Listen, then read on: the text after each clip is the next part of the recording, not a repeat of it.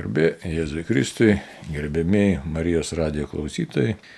Šiandien vėl susitinkame laidoje Katalikų bažnyčios katekizmo komentaras ir vėl toliau kalbėsime apie mums katekizmo pateikiamas tikėjimo tiesas. Ir tikrai džiaugiamės, kad turim tokį katekizmą, jis patvirtintas jau dabar šventojo Jono Pauliaus antrojo, jo iš tikrųjų rūpeščiai ir buvo sudaryta komisija, kuri ir sustatė tiesiog su, su norminu, surašė katekizmo tiesas, kad mes turėtume į ką galimybę pažvelgti, paskaityti, kuo savo mąstymą paremti ir žinotume jau kiekviena tauta savo kalba turėtume iš tikrųjų, na kaip galėtume sakyti, norminį katekizmą, norminį dokumentą, kuris tiesiog yra mūsų tikėjimo išraiška, pagrindas, turinys, Žodžiu, tikrai turime tokį dokumentą, kuris išreiškia visą tą per amžių sukauptą tikėjimo turinį ir išreiškia jį privalomų būdų. Tai nėra mums iš tikrųjų kažkoks tai, na, šiaip savo pasiskaitimai e, duodamas dokumentas, bet tai yra iš tikrųjų katalikų bažnyčios katekizmas, e, kuriame išdėstytos tikėjimo, mums tikėjimo privalomos tiesos, tikėtinus tikėjimo būtinumu, tiesiog taip galim sakyti. Taigi, prieš kalbėdami toliau apie tai, kas trukdo mums mūsų tikėjimui pasireikšti, prieš kalbant toliau apie žmogaus laisvę ir aistras, pirmiausia pasimelskime vardant Dievo Tėvų ir Sūnaus ir Šventosios Dvasios Amen. Viešpėlė Dieve, tu pašaukė mūsų gyvenimą kaip į kovą, apie tą kovą daug kalba tavo šventasis apaštalas Paulius, ir tu mus gelbi iš tų liūto nasrų iš piktosios dvasios visų žabangų, mums Jėzaus savo kryžiumi, kančia, mirtimi ir prisikėlimu atvėrė amžinų gyvenimo vartus.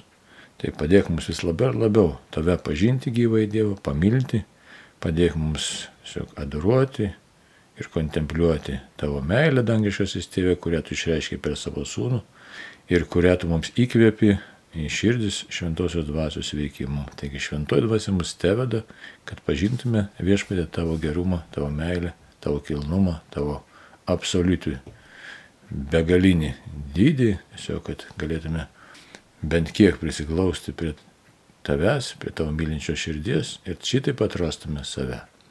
Tau garbė ir šlovė vienas trybė Dieve dabar ir per amžius. Na ir šią laidelę Dieve taip pat pašvenčiu tau kad jin būtų didesniam mūsų iš tikrųjų tikėjimui, tikėjimo augimui, tvirtumui, vilčiai, meiliai ir kad turėtume jėgų toliau tęsti gyvenimo kovas ir atrastume džiaugsmą. Žvelgiam toliau, vėl primenu katekizmo tą kalbėjimą apie žmogaus laisvę ir kad ta laisvė neturėtų būti niekieno trukdoma, o mums trukdo, kaip jau minėjom, tos natūralios galios, tiksliau jos sutrikdytos būdamos ja, sutrikdytos nuodėmės, nuodėmės veikimo, piktosios dvasios veikimo taip pat ir mūsų paskui jau klystančio proto ir neteisingų sprendimų įtakoje trūda mums iš tikrųjų buvoti tuo tikrų žmogiškų buvimu. Ir tas trūkdymas nereikia galvoti, kad jis labai toks kažkoks tai ribotas, jis labai platus tas trūkdymas, nes kai mūsų tas yra pažinimas sutrikdytas nuodėmės, tai mes pasaulyje jau matome visiškai kitaip, nematome jo tokio, koks jis yra iš tikrųjų. Tai šitą galime drąsiai teikti ir, ir dar apie tai galėsim pakalbėti. Bet dabar dar noriu priminti katekizmo tą numerį, kuris mums na, kalba apie laisvę, taigi primenu, kad 1730, jau apie jį nekartą kalbėjom, bet tai turinys toks, kad už Dievą sukūrė žmogui protingą būtybę, apdovanotumas ją savo iniciatyvą veikiančio ir už savo veiksmus atsakingos mens kilnumu. Juk Dievas norėjo žmogų palikti savo paties išminčiai, įdantis pats ieškotų kurie ir laisvai jo laikydamasis pasiektų visišką tobulumą bei tobulą laimę.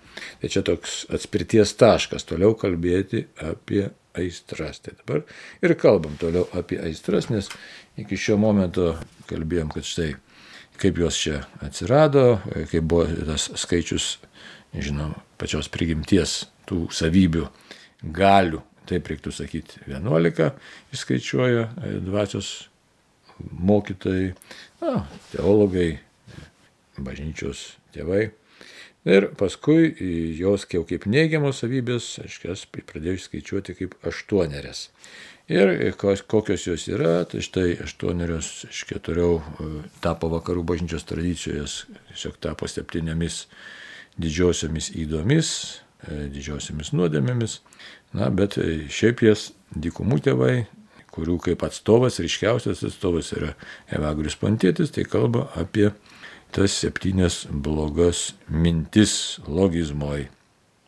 Taigi kova su mūsų galvose kažkokiu tai būdu atsirandančiamis mintimis, kaip sako Evagrius, yra kova su demonais arba su, su tais na, piktosiam dvasiam, kurios tas mintis pažadina.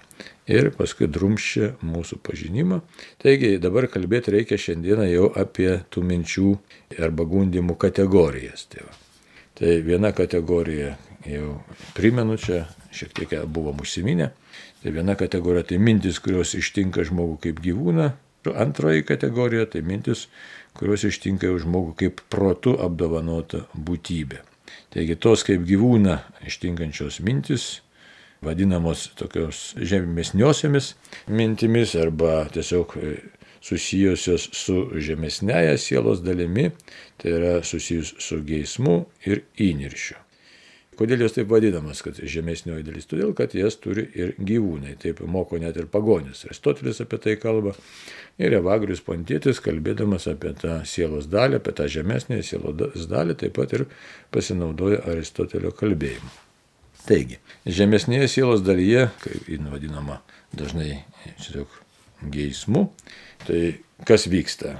Demonai sužadina mintis ir tos mintis jos būtent atstovauja tokius, na, galėtume sakyti, genai tokius gyvybinius dalykus, instinktus, bet tik tai tiek, kad peržengia būtinumo ribas. Jeigu kalbėt apie gyvūnus ar apie žmogų, tai mes pamatysime skirtumą, nes žmogui yra būdingas geismas ir jis tampa nevaldomas. Tas yra tas žemesniosios sielos tos dalis, jos įgauna tokį beribų tą geismą, beribų troškimą. Apie ką čia dabar kalba? Daugiausia tai yra apsirėjimas ir gašlumas. Apsirėjimo mintis ir pats jau geismas, pati aistra apsirėjimo ir gašlumo aistra. Ir aišku, įvairios jų formos. Tai, va, tai tų formų įvairovė yra tikrai labai didelė ir jeigu mes apsidairytume aplinkui, kas vyksta pasaulyje, tai pasižiūrėkite, tai nuo ko žmonė tikrai stipriai kenčia ir mes net, nu, net nėra net per daug ir svarstyti, ar ginčytis, ar diskutuoti, bet įvairiausios tai skonių formos kvapai, kurie vėlgi kviečia mūsų užvalgyti, kažką tai atsikasti ir, ir paskanauti, pilnos parduotuvės visokiausių skanių dalykų, raipsta akis ir mes šiaip taip pat tam pačiam internete sveiko gyvenimo mokytojai, sveika maitinimuose mokytojai mus primena ir mūsų pačių protas primena, kad yra tiek daug dalykų, tiek daug maisto mums tikrai nereikia, bet mes na, tiesiog linkę būnam persivalgyti, žmogus linkęs persivalgyti, jis kažkokį tai deli, delikatesą užvalgyti, desertą kokį tai.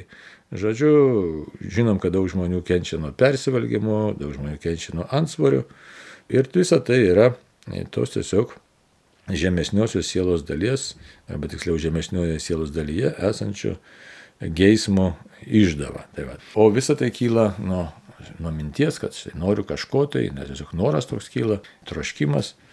E, tai viena vertus tai būdinga prigimčiai, tačiau kodėl yra skirtumas su gyvūnais. Gyvūnas paėdė ir nuėjo. Gal tik tai, e, nebent jeigu kalbėtume apie naminės keulės, bet šiaip tai gyvūnas paėdė ir nuėjo. Štai galbūt naminės keulės jau jos tokį mažesnį saiką turi, bet vėlgi žmogus ir siekia tą gyvūną taip sumodeliuoti, taip jį pakreipti, kad jisai tiesiog pastoviai būtų tam edimo, toje edimo būsenoje, edimo stadijoje.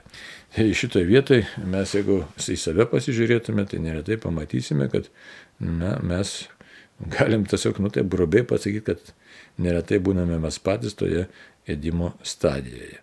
Dabar kur čia tas blogis? Blogis labai įvairus, bet per daug neįsiplėsime apie šitą aistrą, pilvapenybės aistrą, pilvapenystės e, ar apsirijimo aistrą, tiesiog konstatuojam, kad štai tokia yra ir demonas ją sėkmingai panaudoja, panaudoja pažadindamas įvairiems tikslams arba siekdamas įvairių savo tikslų.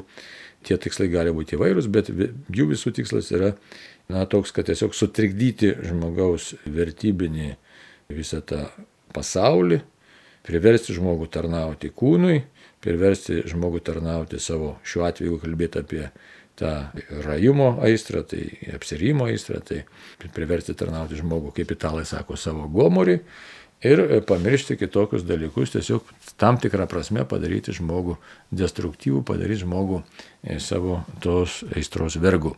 Tai dabar apie gašlybę, taip pat antroji ta tokia gašlumo irgi aistra, tai prisideda vėlgi nuo minčių, mintis, aišku, tas mintis jos šiaip neegzistuoja tuščioje vietoje susijęs su mūsų prigimtimi, bet jos toli gražu nepasibaigia mūsų prigimties to tokiu lytiškumo patenkinimo poreikiu, bet jos persikelia į vaizduotę ir žiūrėkit, ką mes turime aplinkui. Mes turime pilną vaizduojamojo, kabutėse meno, visokio prikurto pornografinių filmų, na, anksčiau būdavo dar nuotraukos, dabar filmai, paskui visokių iškrypimo formų pateisinimo, įrankiai visokiausi. Žodžiu, pilnas internetas ir, ir ne tik internetas, bet visokiausių dalykų, kurie susijęs su gašlumo aistra. Na ir tai vėlgi žmogų padaro kūno vergu ir įtakoja labai labai labai daug ką. Ką įtakoja? Įtakoja žvilgsnį į save, įtakoja žvilgsnį į kitą žmogų, padaro žmogų tiesiog vartotojų savęs, padaro žmogų vartojančių kitą žmogų. Žodžiu, mes susidurėm su vėlgi tokiu peržengimu natūralaus potraukio ribų.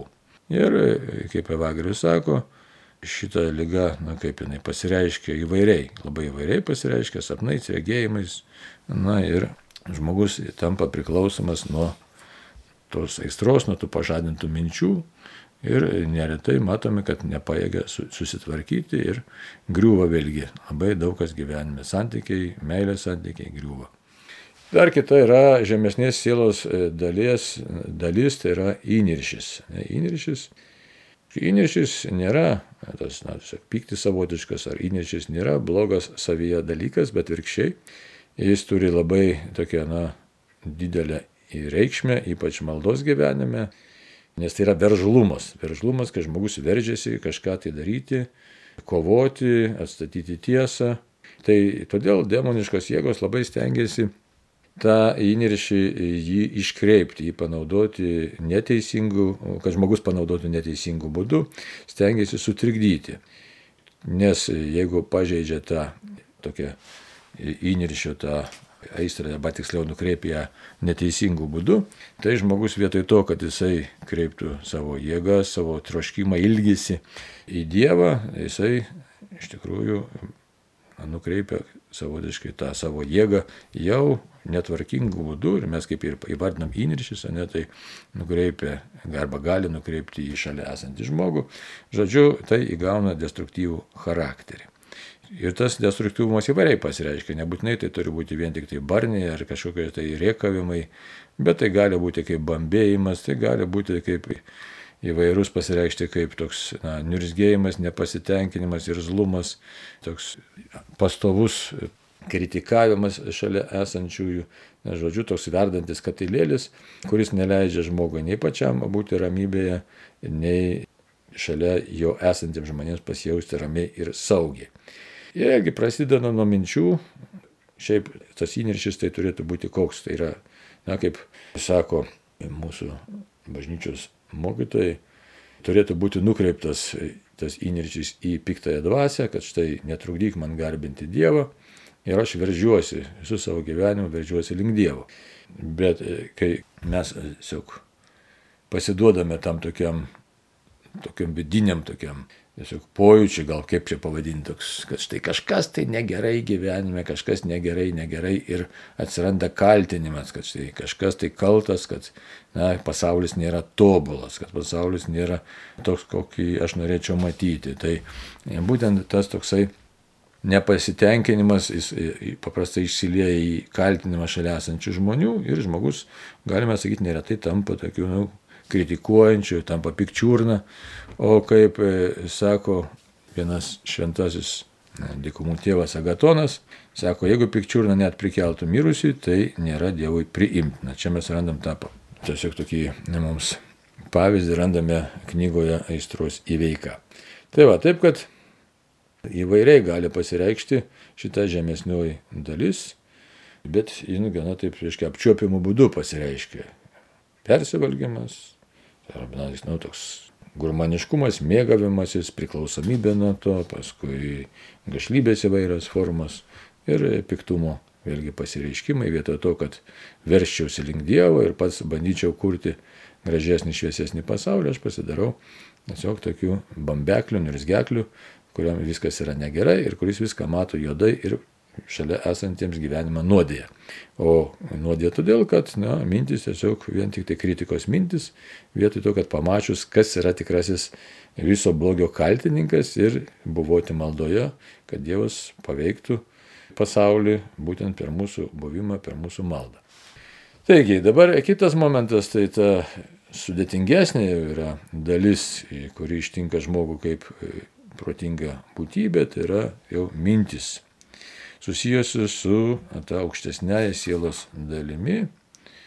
Tai yra jau e, tai, kas e, mūsų tą racionaliąją sielą, racionaliąją sielos dalį paveikia. Tai pirmiausia pasireiškia kaip puikybė arba tuščia garbė, tuščia garbiškumas. Reiškia. Tai labai paliečia žmonės, ypatingai tuos žmonės, kuriems gyvenime na, sekasi ir kuriems dvasiniam gyvenime sekasi ir kurie pažangą daro dvasiniam gyvenime. Na, tai jeigu kalbėti ir apie tikinčius žmonės, tai e, tie dalykai labai jau gali paveikti mus. Štai mes įsivaizduojam, kad e, kažką tai nuveikiau, padariau ir na, ta puikybė žmogų įtakojo. Tai. E, taigi tuščia garbė atidaro e, duris puikybei, o puikybė yra didžiausias blogis ir Evagrius sako, kad puikybė gali žmogui sukelti netgi pamišimą. Tokia yra jau Evagriaus mintis, toks pastebėjimas, na tai galėtume mes tiesiog klausti, kaip dabar ta puikybė, ar čia tiesiogiai tą pamišimą sudaro, ar netiesiogiai, bet e, galima taip pasakyti, kad Jeigu matai pasaulį iš savo puikybės bokšto, tai nematai objektyvios tiesos, tai nematydamas objektyvios tiesos jau savaime kažkaip tai esi, nu toks, sakysime, nutolęs nuo tiesos ir savotiškai esi atsisakęs tikrojo teisingo mąstymo, tai reiškia, kad, nu, esi jau tam tikrą prasme praradęs protą. Tai kaip matome, ta nuodėmė ir pirmą pradę, ir paskui visos kitos vėlesnės nuodėmės mumise veikia. Tai kai mes kalbam apie išganimą arba apie išlaisvinimą, tai neretai mes nesuprantam iki galo ir nėra taip paprasta iki galo suprasti arba pasakyti iki pačios gelmės. Nesuprantame, ką Kristus padarė mums, mūsų gyvenimui, ką reiškia iš tikrųjų tikrasis išlaisvinimas, išganimas, kad tai yra tiesiog tikroji mums atnešta laisvė iš vergyjos, kadangi tą vergiją mes labai giliai esame įklimpę, tiesiog dėl pačios žmogiškos prigimties ir dėl tos prigimties, kadangi nėra paveikta nuodėmės ir mums sutrikdytas yra pasaulio matymas. Tai čia du dalykai labai svarbus yra. Na, pasaulio pažinimas yra sutrikdytas. Taigi du dalykai labai svarbus. Vienas dalykas, kad, kad Jėzus mus tiesiog išplėšė iš šitono rankų, iš liūto nasrų, kaip sako Paštas Paulius. Tai išplėšia visiškai duoda mums gyvenimą, galimybę gyventi, tai tiesiog padovanoja mums e, laisvę. Nes kitaip mes nesurastume teisingo kelio. Ir mes dabar ir katekizmų už tai galim labai džiaugtis. Kaip per bažnyčią mes žinome Jėzaus mokymą, apie jo galę, apie jo meilę, svarbiausia tai apie jo meilę, iš tikrųjų begalinę meilę, apie galestingumą. Mes žinome, kad tai yra tikra, galim jį priimti ir pasinaudoti ir tokiu būdu jau tiesiog atrasti save, atrasti gyvenimą ar e, tiesiog nu, pilnatvę gyvenimo, žodžiu, mes patenkame visiškai į kitą pasaulį dėl Jėzaus tiesiog aukos, dėl jo e, pralieto kraujo. Tai čia vienas momentas. Kitas momentas, kad lieka mums toliau vis tiek iššūkis apsispręsti. Štai gaunam tam tikras gairias. Tos gairės mums yra tiesiog kaip ir gairės. Jų reikia arba laikytis, arba atmesti. Jeigu mes jų laikysimės, mes eisim tam tikrų kelių. Jeigu atmesime, mes toliau pasiliekame migloje. Ir tokiu būdu tai, ką Kristus mums atnešė, ką atvėrė, netampa mūsų savastimi. Reiškia, pasilieka tarsi šonė. Tai todėl labai svarbu suprasti, kad lieka ta dalis, kurią mes privalom padaryti, tai yra apsispręsti. Apsispręsti už tai, ką viešpats Jėzus padarė, kad kaip priimti ir kaip toliau eiti tuo keliu, kad jo atnešta laisvės galimybė, gal taip sakytume, aišku, sakytume laisvė, tikrųjų yra laisvė pati jo padovanota, bet e, kad ta laisvė taptų mūsų, tai reiškia apsispręsti ir kol, kol jinai mūsų nėra primama, kol mes už ją nesigrūvėm, kad jin taptų mūsų, tai, na, savotiškai lieka tik tai galimybės rėmuose. Tai štai, pasižiūrėkim, katekizmas, ką mums sako 98 numeris. Sako, būdamas klusnus iki mirties, Kristus perdavė savo mokiniams karališkosios laisvės dovaną, kad jie išsižadėjimu bei šventų gyvenimu nugalėtų save nuodėmės karalystę. Tai matot, koks čia įdomus yra na, kalbėjimas. Ir čia ne šiaip kalbėjimas, bet yra Vatikano antrojo susirinkimo dogmatinės konstitucijos Lumen Gentium 36 skyriaus žodžiai. Na ir dar priedas yra šventom brazėjaus, tai iš vis čia jau, aiškiai, pirmoji bažnyčia, pirmi keli amžiai. Kas suvaldo savo paties kūną ir vadovaudamas savo sielai deramą ištvermę neleidžia jos varginti kūno aistroms, tas tikrai karališką galę parodęs, vadinamas karaliumi. Mokėdamas susivaldyti ir save apginti, jis nesiduoda paimamas nuodėmės vergyjo. Bet čia labai reikėtų paaiškinti tiesiog savo patiems ar suprasti ir išsiplėsti tikrai reikia šitoje vietoje, kad kas čia vyksta. Matot, mes gyvenime dažnai jaučiamės labai e, taip, nu, nejaukiai, nerimas, koks nors baimės, šiaip e, silpnumo matom pasaulyje, kad štai daug neteisybės labai. Ir kaip ta piktoji dvasia mus klaidina. Nu, labai e, klaidina iš tikrųjų gudriai ir per labai daugelį dalykų. Žmogus juk nori gyventi laimingai, žmogus nori gyventi saugiai, žmogus nori gyventi meilėje ir tą mes savo kartuojame daug kartų. Tik tai klausimas, kaip tai padaryti. O padaryti mes norime, nu, kaip čia greitai, efektyviai, rezultatyviai, kad tai tikrai mums palengvėtų ir ką mes dažnai darom. Kad štai jaučiu, kad nėra, neturiu laisvės, jaučiu, kad, sakysime, kažkokiu tai ten visokių varginimų turiu psichologinių. Ir ką mes tada darome? Kad tikrai jaučiu, kad na, laisvės nėra tam tikros. Ir kai dabar kalbam apie tas aistras, tai, aiškiai, vėl kalbėti apie tas aistras, tai kažkoks atrodo ilgai vykstantis procesas, kaip čia su jiems grumti, nesigrumti. O vieną dalyką labai svarbu suprasti, kad pasaulis arba piktoji dvasia mums siūlo labai greitus sprendimo momentus, bet jie nėra esminiai. Tai va.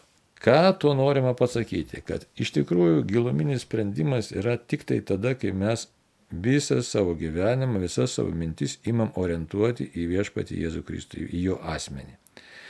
Kaip tas, aišku, atrodo, kad čia nebūtų tik lozunginis kalbėjimas, kaip tai orientuoti Jėzų. Iš tikrųjų, pastovi kiekvieną dieną galvoti Jėzau, tu esi gyvas, tu mirė ant kryžiaus, tu prisikėliai. Tiesiog tas ėjimas į santykį, gyvą santykį ir noras vis labiau pažinti viešpatį Jėzų, nes tik tai Jėzus mums atnešė laisvę. Dabar su kuo čia galima sugretinti tam tikrus dalykus? Faktiškai galima, gal kai kam tai nebus suprantama, ar gal kam ir nepatiks, bet kaip pavyzdys.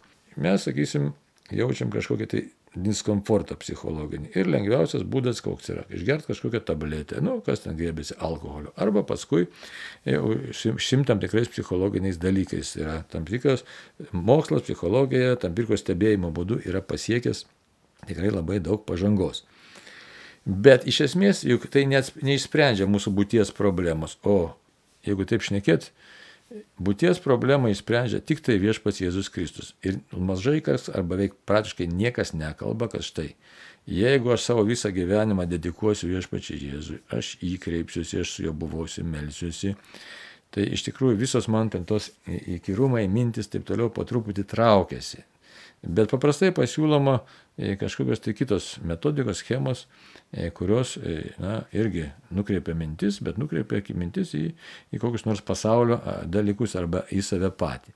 Ir tokiu būdu mes na, galim labai prasilenkti su pačiu esminiu mūsų gydytoju, su pačiu svarbiausiu, su, su viešpačiu Jėzumi Kristumi. Čia reikia suprasti, kad tas, čia nėra kritika, sakysim, psichologijos mokslo, bet čia tik kaip pavyzdys yra, kad na, mes nesam visiškai įpratę ir nei kunigai, nei vienuoliai čia tik mokomės, ne, bandom kažkas tai, bet visa žmonėje.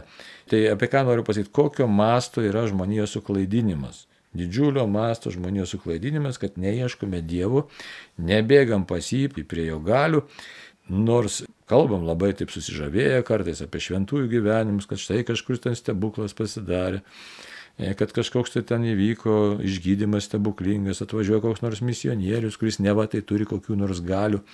O viso labo tai tik tai Dievas per jį labiau veikia, nes jis galbūt nuoširdesnis arba tiesiog Dievas taip panorėjo. Dabar žinom, kad štai yra palaimintasis karolis lietuviškai, akutis, pavyzdžiui, vaikinas ten 15-16 metų, kiek jis ten, ne, ar per jį jau Dievas daro savo stebuklus, nors jis ir numirė. Tėvą Pijų prisimena visi iš tai relikvija buvo atsivežę, čia atvežta, yra kapucinai turi, per Lietuvą keliauja, nuostabus dalykas poveikis yra. Tai tokie atrodo tik epizodinis dalykas, o iš tikrųjų tai kiekvieno mūsų pašaukimas priartėti prie Dievo. Tai štai tas yra įpareigojimas, mums reiškia įpareigojimas ir pakvietimas ir pašaukimas ateiti tikrąją laisvę, nes jeigu, kaip Jėzus sakė, jeigu turėtumėt tikėjimą kaip garstyčios grūdelį, kalnus kilnotumėte. Tai, va, tai dabar kol kas mes tų kalnų, kalnų nekilnojam, tai kur čia ta problema? Problema ta, kad tiesiog grėžtis į viešpatį Dievą, norint vis labiau ir labiau juo patikėti.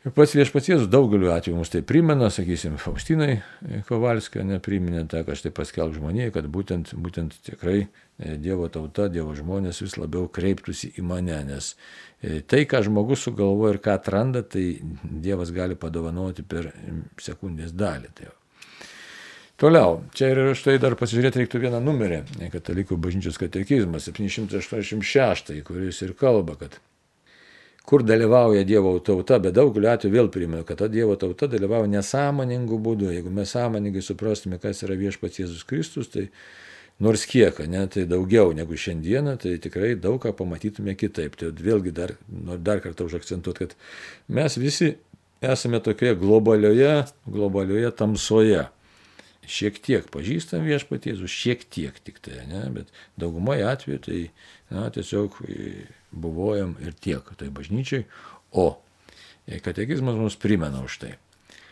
E, dar kartą primena 786 numeris. Pagaliau Dievo tauta dalyvauja ir karališkoje Kristaus veikloje. Kristus karaliauja patraukdamas prie savęs žmonės, visus žmonės savo mirtimi ir prisikėlimu. Kristus visatos karalius ir viešpas tapo visų tarnu. Atėjęs ne kad jam tarnauti, bet pats tarnauti ir saugybės atiduoti kaip išpirkos už daugelį. Krikščioniui tarnauti, tai yra Kristui tarnauti, reiškia viešpatauti, ypač, ypač tarp vargšų ir kenčiančių, kuriuose bažnyčia atpažįsta savo vargdienių ir kenčiančių steigėjų atvaizdą. Dievo tauta savo karališkį kilnumą pasiekė gyvendama pagal šį pašaukimą tarnauti draugė su Kristumi. Visus atgimusius Kristuje kryžiaus ženklas padaro karaliais, šventosios dvasios patepimas pašventina kunigais, kad visi dvasininkai, įskaitant ir tuos, kurie turime ypatingą mūsų tarnybos, ypatingų mūsų tarnybos pareigų, ir dvasiniai krikščionys sąmoningai laikytų save karališkosios veiklos dalyviais. Kasgi gali būti karališkiau, kaip Dievui atsidavusiai sielai valdyti savo kūną. Čia įsidėmėkime. Kasgi gali būti karališkiau, kaip Dievo atsidavusiai sielai valdyti savo kūną. Ir kas gali būti kunigiškiau, kaip paukoti viešpačių tyrą sąžinę ir ant savo širdies altoriaus atnašauti nesuteiptas meilės aukas. Tai va, matom, koks yra tekstas, kad štai, kai dabar paskaitom, dažnai gali atrodyti, kad štai kažkokia tai kalbėjimas, kalbėjimai, žodžiai apie karališkumą. O čia iš tikrųjų yra pats esminis dalykas, bet dėja mes neįsigilinam ir, ir netaip galbūt, nežinau kaip čia, ar netaip lengva įsigilinti, tiesiog, na, praslysta tie žodžiai, tarsi, tarsi kaip ir kokio nors romano puslapio. Iš tikrųjų tai pati esmė, kad mes su Kristumi esame, Kristus yra tiksliau su mumis. Ir, ir tikrai jis mums davė galę, žiūrėkit, kokią, sakė, pats Jėzus sakė, duodu jums galę, kokią dalį. Ligoms gydyti, demonams išvaryti, ne? Na, bet tam tikrais atvejais kitas, tam tikrais atvejais lyg ir neveikia. Na, aišku, yra vis, virš visko yra Dievo valia. Dievas žino, kada jis nori, kad ten išgytum, kad, kada nenori, kada nori, kad išeitų piktoji dvasia, kada leidžia pasikankinti. Bet esmė tai ne tame, esmė tame, kad mes patys nesuprantam ir savo mums duotos tos duotybės, Dievo artumo duotybės iš tikrųjų, nes viskas vyksta dėl to, kad viskas nuo, nuo artumo, kiek mes artėje esame prie viešpaties Dievo. O tam artumui trukdo būtent mūsų nevykęs tarnavimas, tiesiog perdėtas, perviršinis tarnavimas kūnui ir pataikavimas, tiesiog, na, to įstrų įsibujojimas ir tokiu būdu mes negalime būti savimi. Juolab, kad mūsų dėl aistrų pažinimas tampa, mūsų pasaulio pažinimas, samprata tampa labai apribota ir mes tiesiog imam spręsti visus klausimus tokiam horizontaliam lygmenį, prieš tai nepasimeldę, nepaklausę Dievo, nepabavoję maldoj, ta malda turėtų būti apie maldą, jeigu Dievas duos, galėsim tikrai daug kalbėti.